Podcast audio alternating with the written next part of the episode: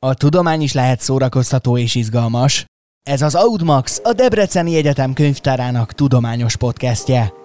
It is the most important element in our lives.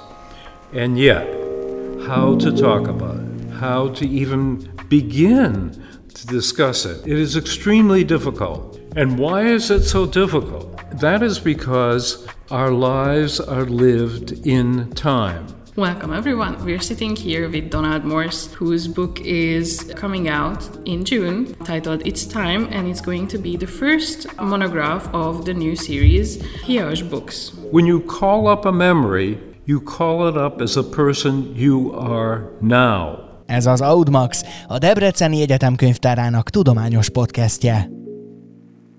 So, first, let's talk about you and your projects. Let's introduce you a little bit. So, you're a professor emeritus at the Institute of English and American Studies. Not quite. No? no. Actually, one of the biggest honors of my life, I, I am an honorary professor at the University of Debrecen. And in fact, I'm the last honorary professor of the Kossuth Lajos Egyetem. And after that, we reconstituted the Universitas and everything changed.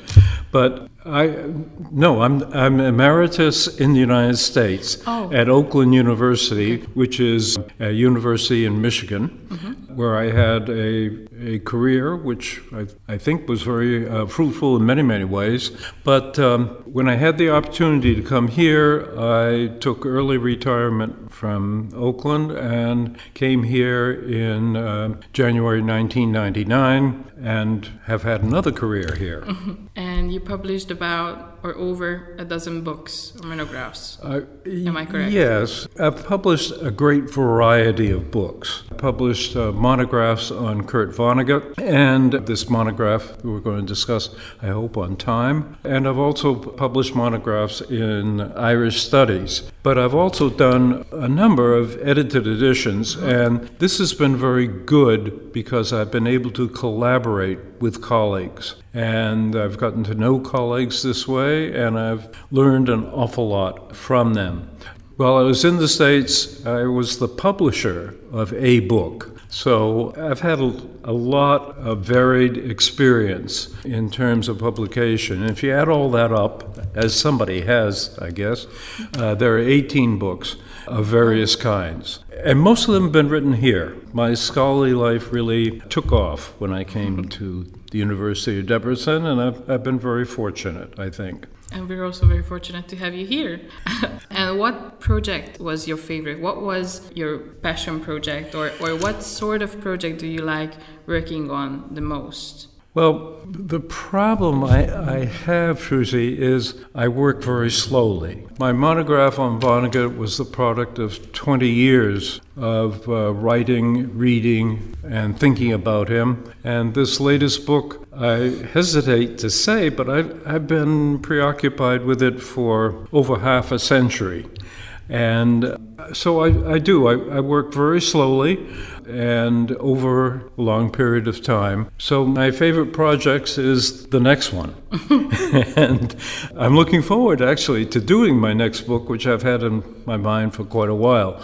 In terms of what's important in my life, because books can be very important in people's lives, I would have to say that James Joyce is the author that really has uh, had the greatest influence on me as a person and who has provided a real guide for uh, my life.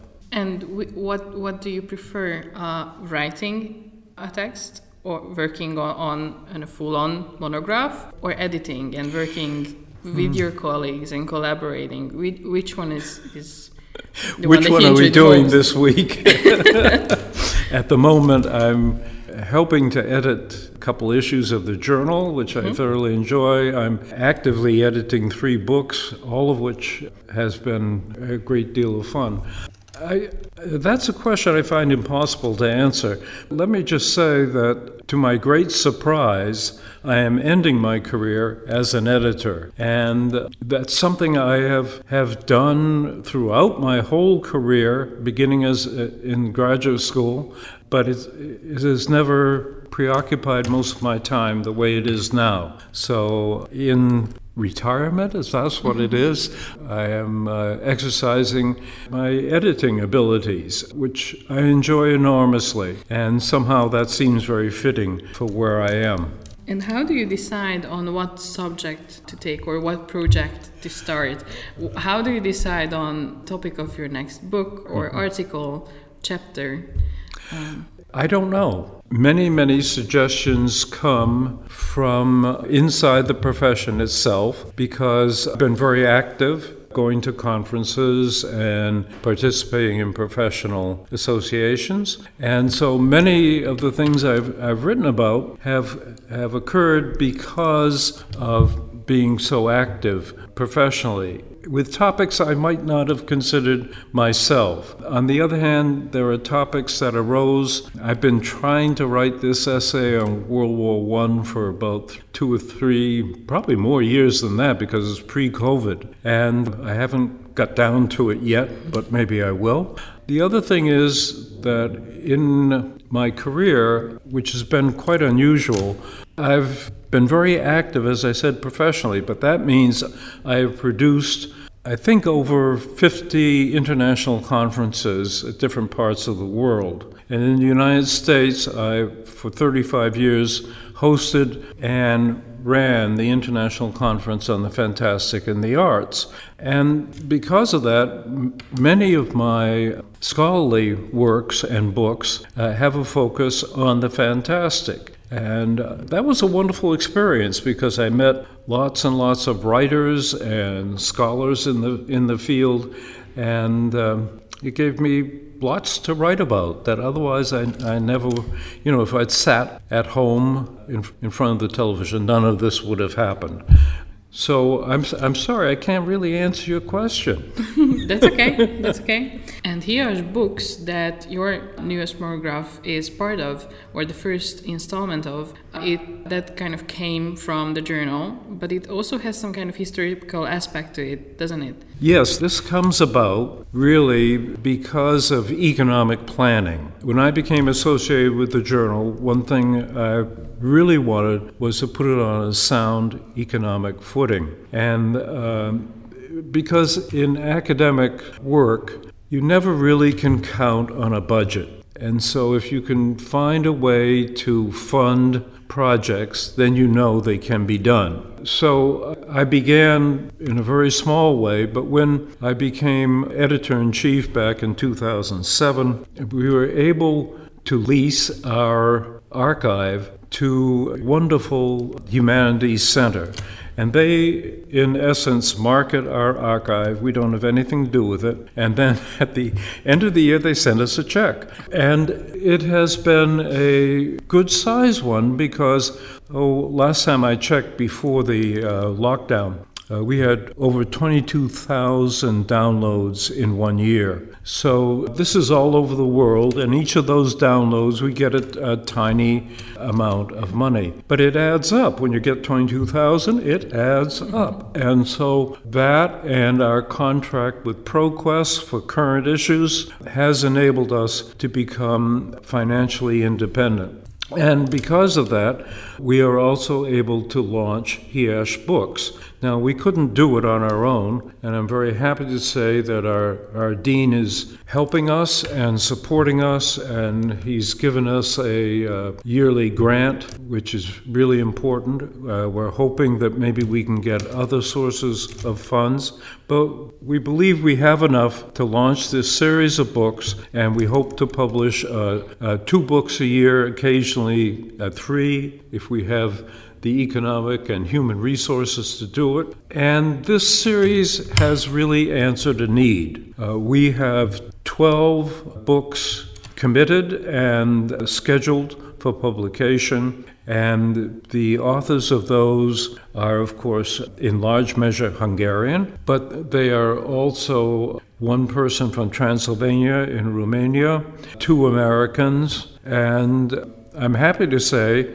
Hungarian scholars from the University of Eger and, uh, and Budapest and Pécs and Debrecen. So we are, we're beginning in a small way and we're hoping to answer the need for scholarship in English because, like it or not, English is the international scholarly language. And so to play in that on that field, you really have to publish in English. So we're going to make it possible for our colleagues to do exactly that. And as I say, we're hoping also to attract international authors as part of the series.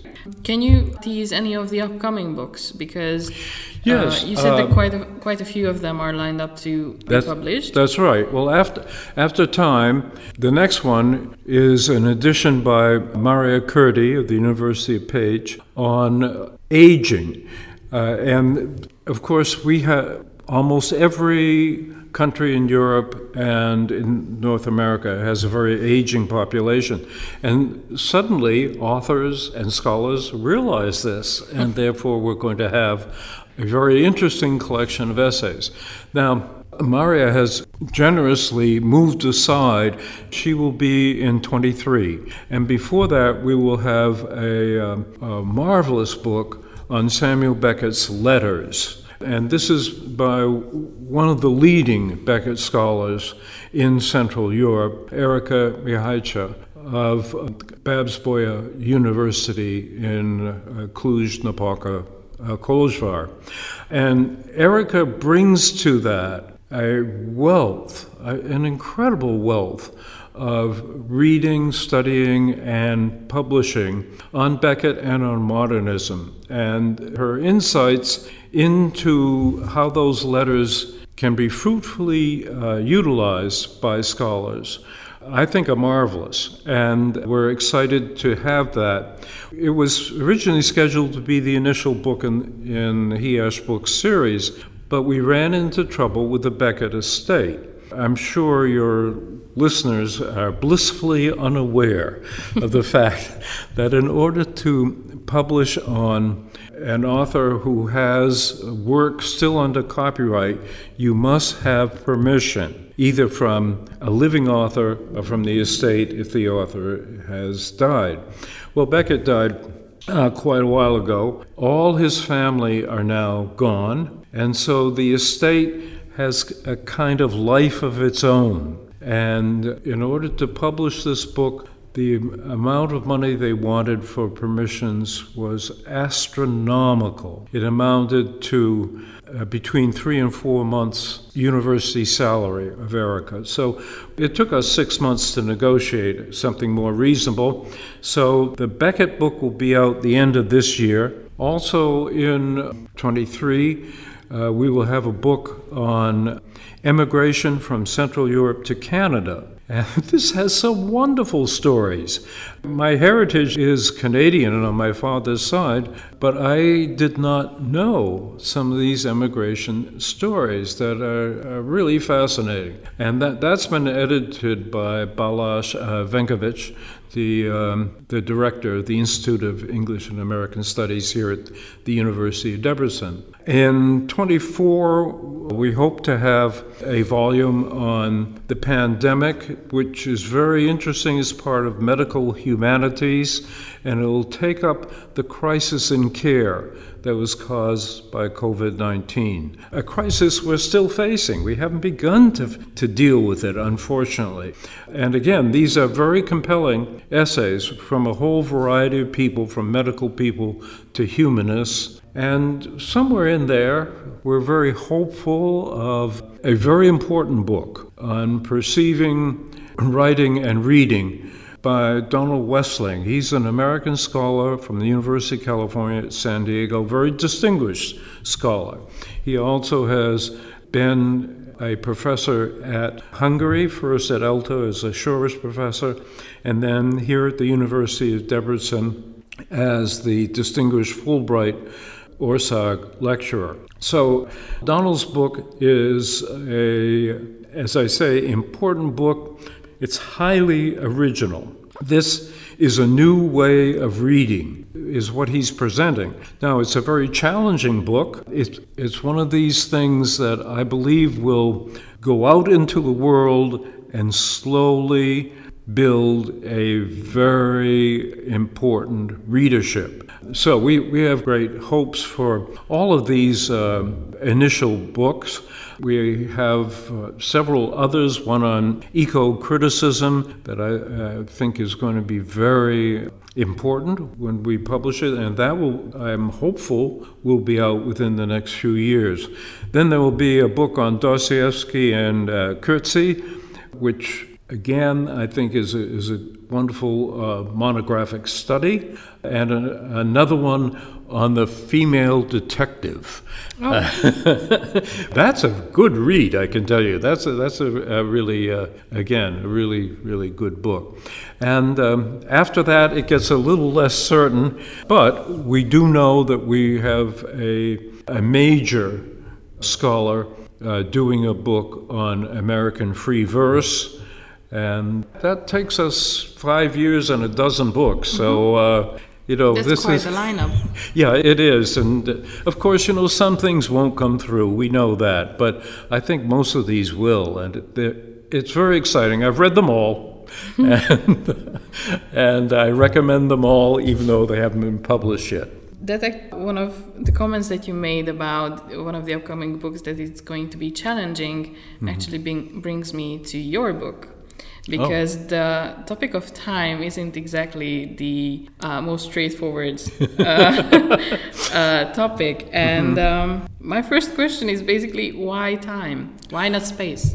Well, you can't talk about one without the other. I mean, our bodies move through space, mm-hmm. right? Every moment we are moving through space. But at the same time, our, our minds move through time. I mean, we are not limited to the space we inhabit because through our minds we are able to visit events, places that are thousands, millions, even billions of years old, and we can anticipate the future. So it's very important, it's crucial, it's what defines us as human beings. And it is the most important element in our lives. And yet, how to talk about it, how to even begin to discuss it. It is extremely difficult. And why is it so difficult? That is because our lives are lived in time. Someone wisely said, We live in time the way the fish lives in water. If you want to know what water is, don't ask a fish. So, what is time? It's almost as if we can't talk about it because we are in it and every aspect of our lives is in time. How do you separate that out?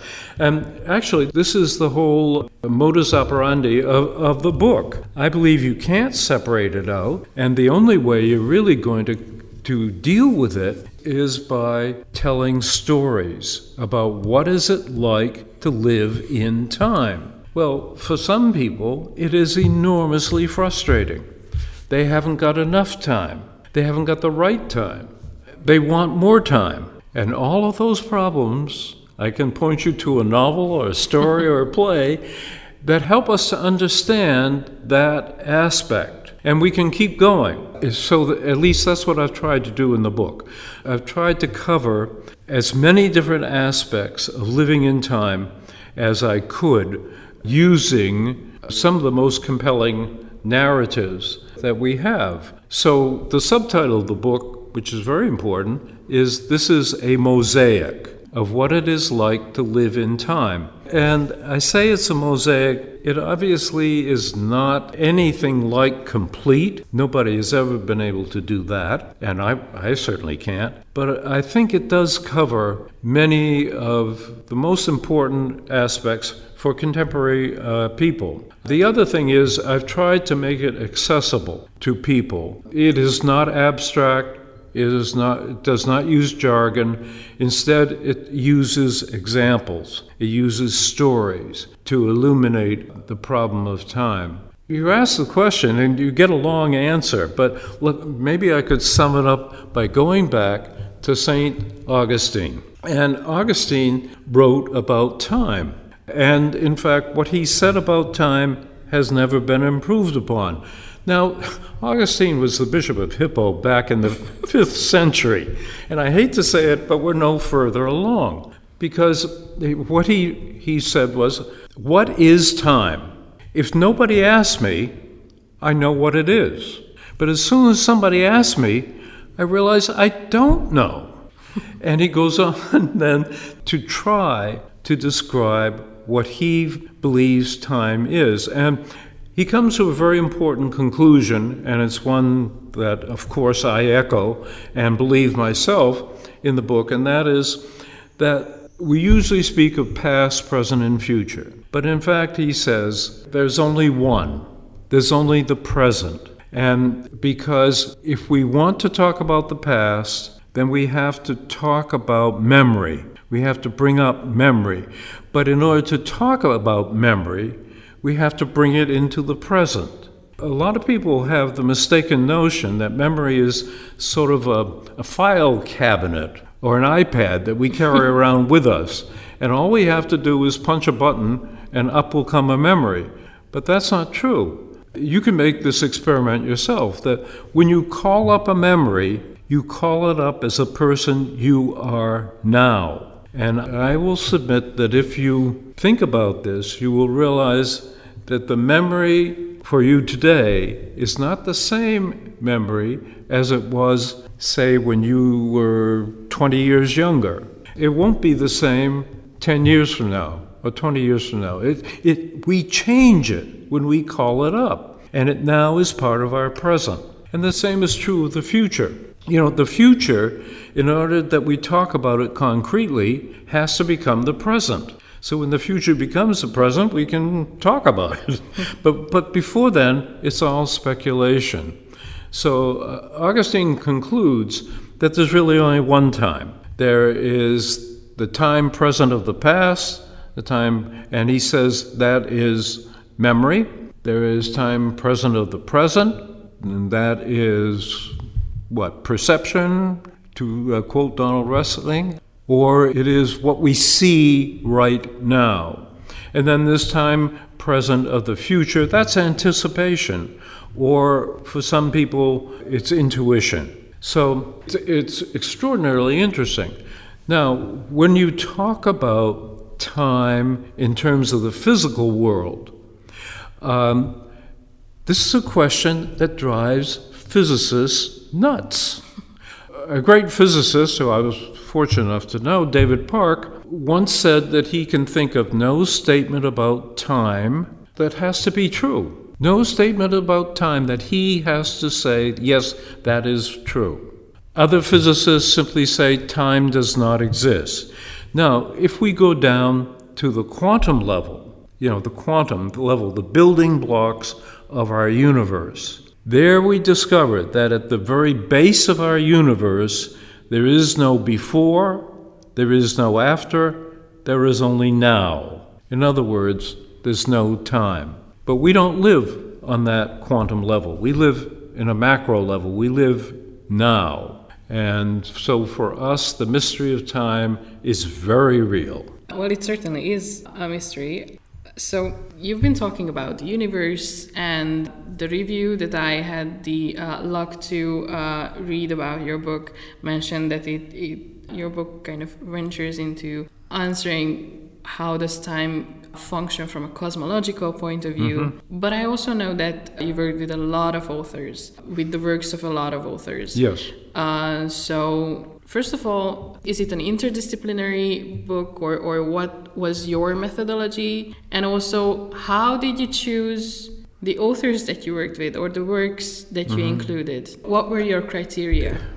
I think they had to be important to me to be willing, willing to spend hours with them. Some are obvious. 1895, H.G. Wells published what he called his invention, which was his little book on time travel. Nobody had ever written about this before, and no one really had, had thought about the way he did. And his book on time travel has never been out of print. It made him independently wealthy, enabled him to write what he wanted to do, but more important, it struck a responsive chord among readers. As I say, the book has never been out of print.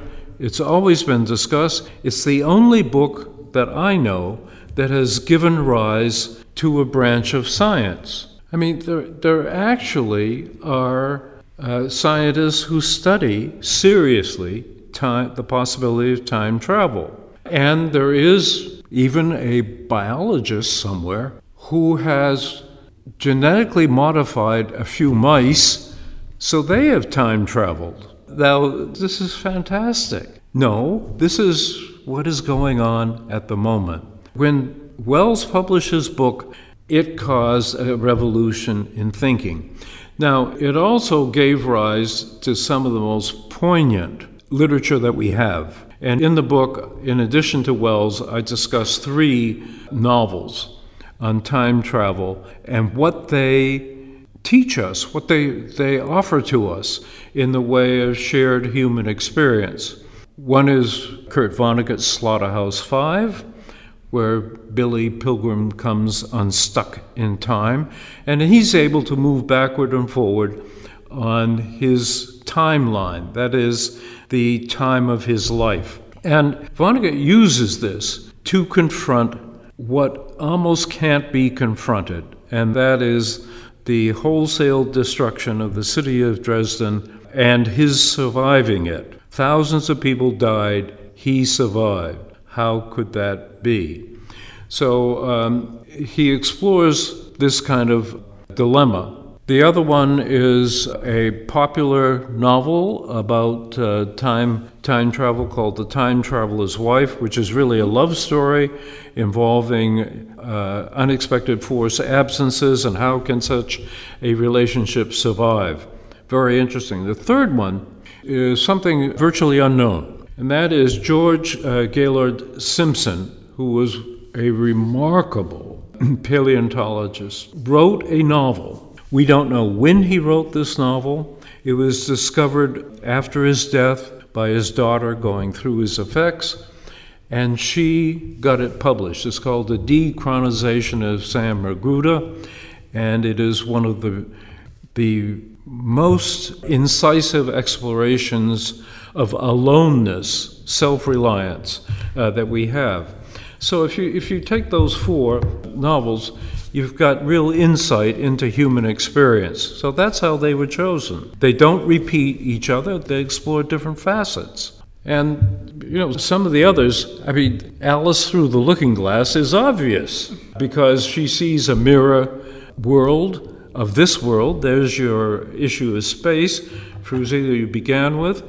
But also, time is reversed in her world. And that raises a very interesting question. The Red Queen says, the White Queen, excuse me, says to Alice that she has a very poor sort of memory. Alice is indignant. What do you mean I have a poor sort of memory? Well, you only remember things that happen. What sort of memory do you have? Oh, says the White Queen, I remember things that happened the week after next. So time is reversed. And what does that mean? Well, there are two really terrific novels about this. One, again, which is almost unknown, by Sean O'Faolain, called And Again, in which a man is given a choice of having another 65 years, so he's going to live twice as long as most people. Will he learn anything the second time round? That is the great question. And he does. And what does he learn? That, it seems to me, is so important because he learns to treasure memory, not just to let things slip through his hands, but to treasure the experiences that he has. And the other one is Kingsley Amis's And Again, in which he has one of the horrible doctors of the death camps of the Holocaust have his experience, his life, going backwards. I make some claims for that book that no one else has made, and it's very interesting because it has provoked a good deal of, of uh, controversy.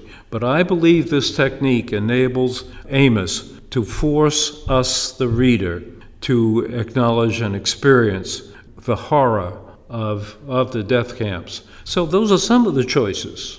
Okay, and, and there are lots of others. I mean, the choice of poetry, for instance, was obvious. Uh, W.H. Auden has what may be the, the finest lyric poem in English in the 20th century, As I Walked Out One Evening. I love that poem. Yeah, you do? I, I do too. I think it is, it is absolutely marvelous. And again, the insight it gives us into life, it's so simple and yet we ignore it at our peril. the years shall run like rabbits, for in my arms I hold the flower of the ages, the first love of the world. Oh, let not time deceive you. You know, but all the clocks in the city at that point, they say, no, no, no. You cannot conquer time.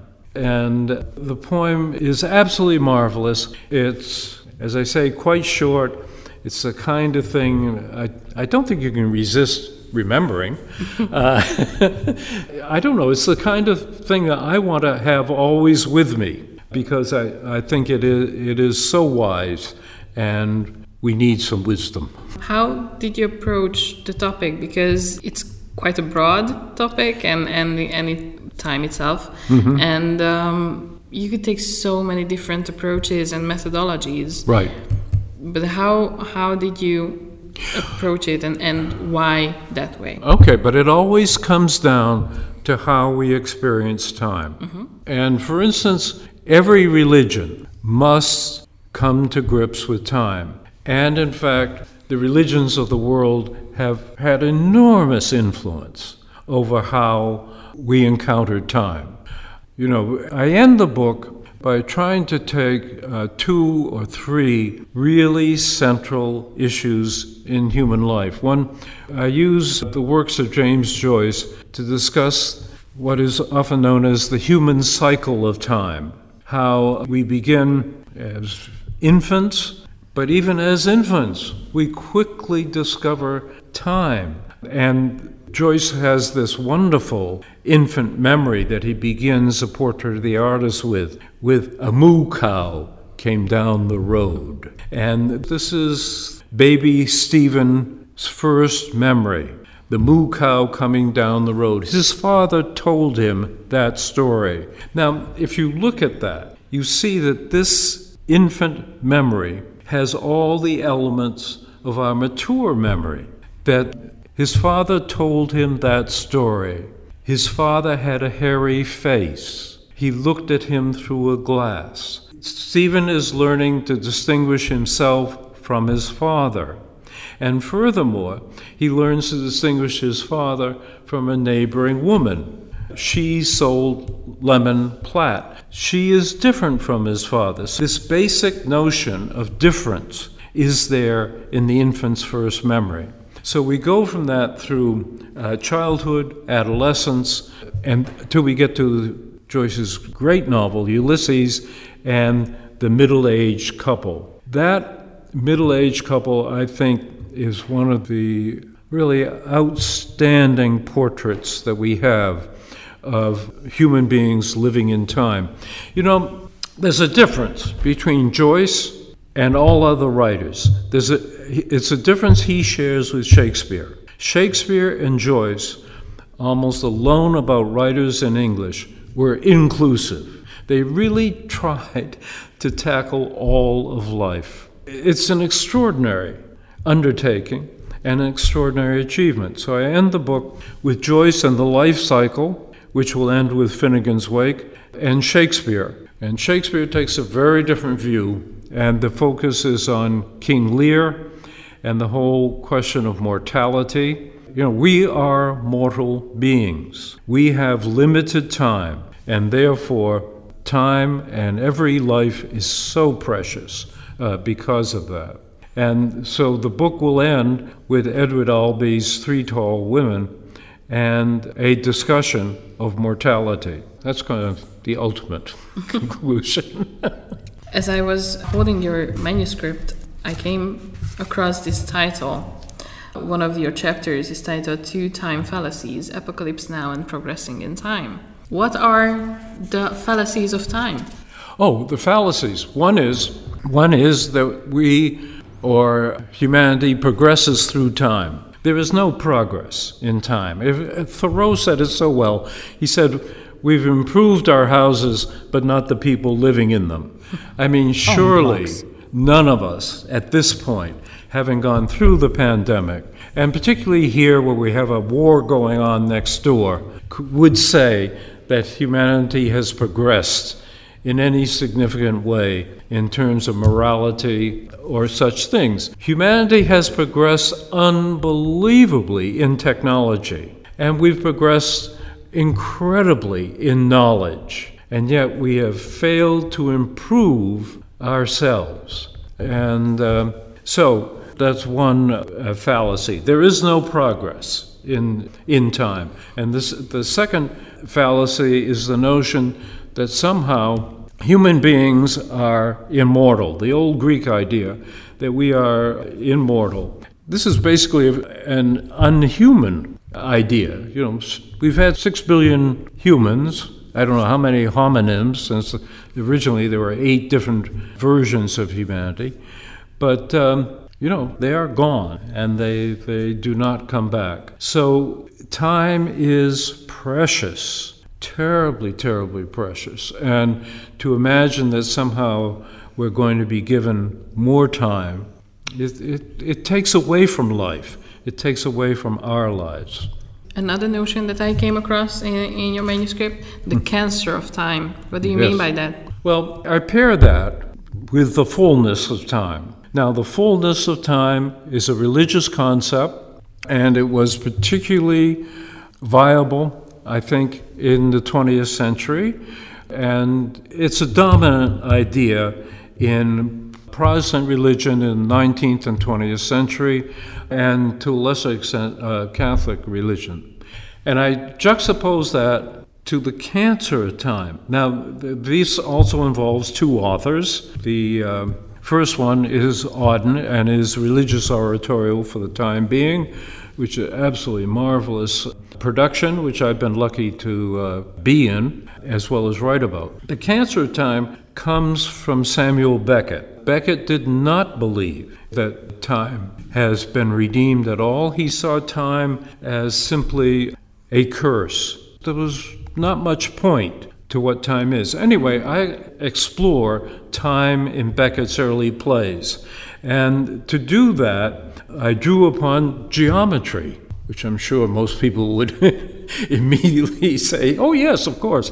Uh, no, but it turns out that each of his early plays, time uh, is figured uh, as a geometric figure. So you have, for instance, in Krapp's last tape, a series of concentric circles. In play, you have a, a closed circle. In Endgame and lots of the mimes, you have time as a straight line, a beginning, middle, and end. And then in Waiting for Godot, his great first produced play, you have time as none of these things. I think it's more time as a spiral. Time comes round to the same place, but not quite. You know, both Act One and Act Two begin with boots on the stage. Are they the same boots? Are they different boots? The tramps meet, they talk. Is it the same talk? Is it the same time? No, it is familiar, but it is not the same. So, anyway, I hope that by juxtaposing those two, time is redeemed and time as cancer and glad to be gone, you see something, you appreciate something that perhaps just looking at those individually you wouldn't. That's my hope. this all sounds so intriguing that I might actually steal your copy. Um, but it's free, you know, if you get it, get an ebook. we cannot end this conversation without talking about your cover because it's an it's an art piece mm-hmm. uh, that's been yes. incorporated into your cover. Mm-hmm. Can you talk a little bit about that? Why this art piece and, and how did you come across it? Or? Yes, this is this is an original work of art by an American artist in Colorado named David Mesplay. David came to the conference on the fantastic and the arts when I was running it. Uh, we became friends, And in fact, he gave me this artwork, and it's been hanging on my wall in the United States uh, for 20 years or so. And I told David that he was so generous to do this. I said, if I ever finish my book on time, I'm going to put it on the cover. So it is and you called. put through on that promise. I, I am making good on that promise, yes. And it's called Killing Time, and it has an image of a dagger and points descending upon a poor, hapless watch. It, it, that is not looking too good, it's, it's the worse for wear. Now, th- this looks like a painting, it is not. David, at this point in his career, was, was a xerography artist. He is a wonderful craftsman, but for, for ever reasons, for about a decade, he went into xerography, and Canon would give him a copier. He would take the insides out and modify it in all kinds of incredible ways, and then use it to produce these uh, amazing images. And there, there are quite a few of them, and they are highly original. So, can you use a Canon copier to be original? I think David Mesplay has done that. But in any case, that is the image on the cover, and I think it's a terrific image. We, we're very lucky, you know, uh, working with the Debrecen University Press, that um, we had Monica Szabó as our tech person.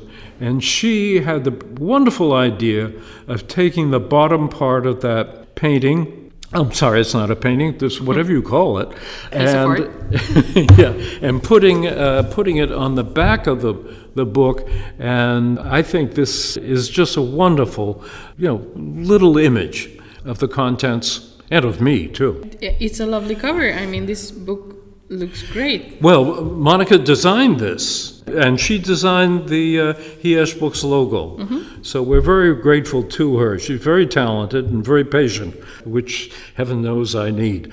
But I, I'm so pleased. I think this is a, a handsome book, certainly uh, more more attractive than anything I ever dreamed of. So I'm grateful to both David and Monica for their generosity and their time.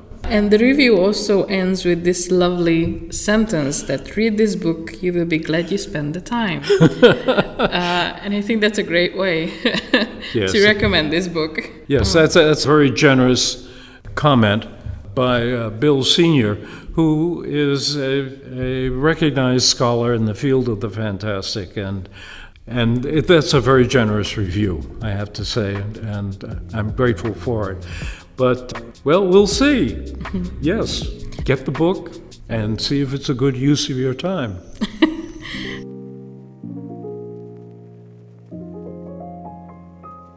and with that said, I thank you for for this conversation. It was lovely to talk about it. Oh, well, thank you very much, Fruzi. I appreciate the opportunity and, and thanks to the library for doing this. Thank you.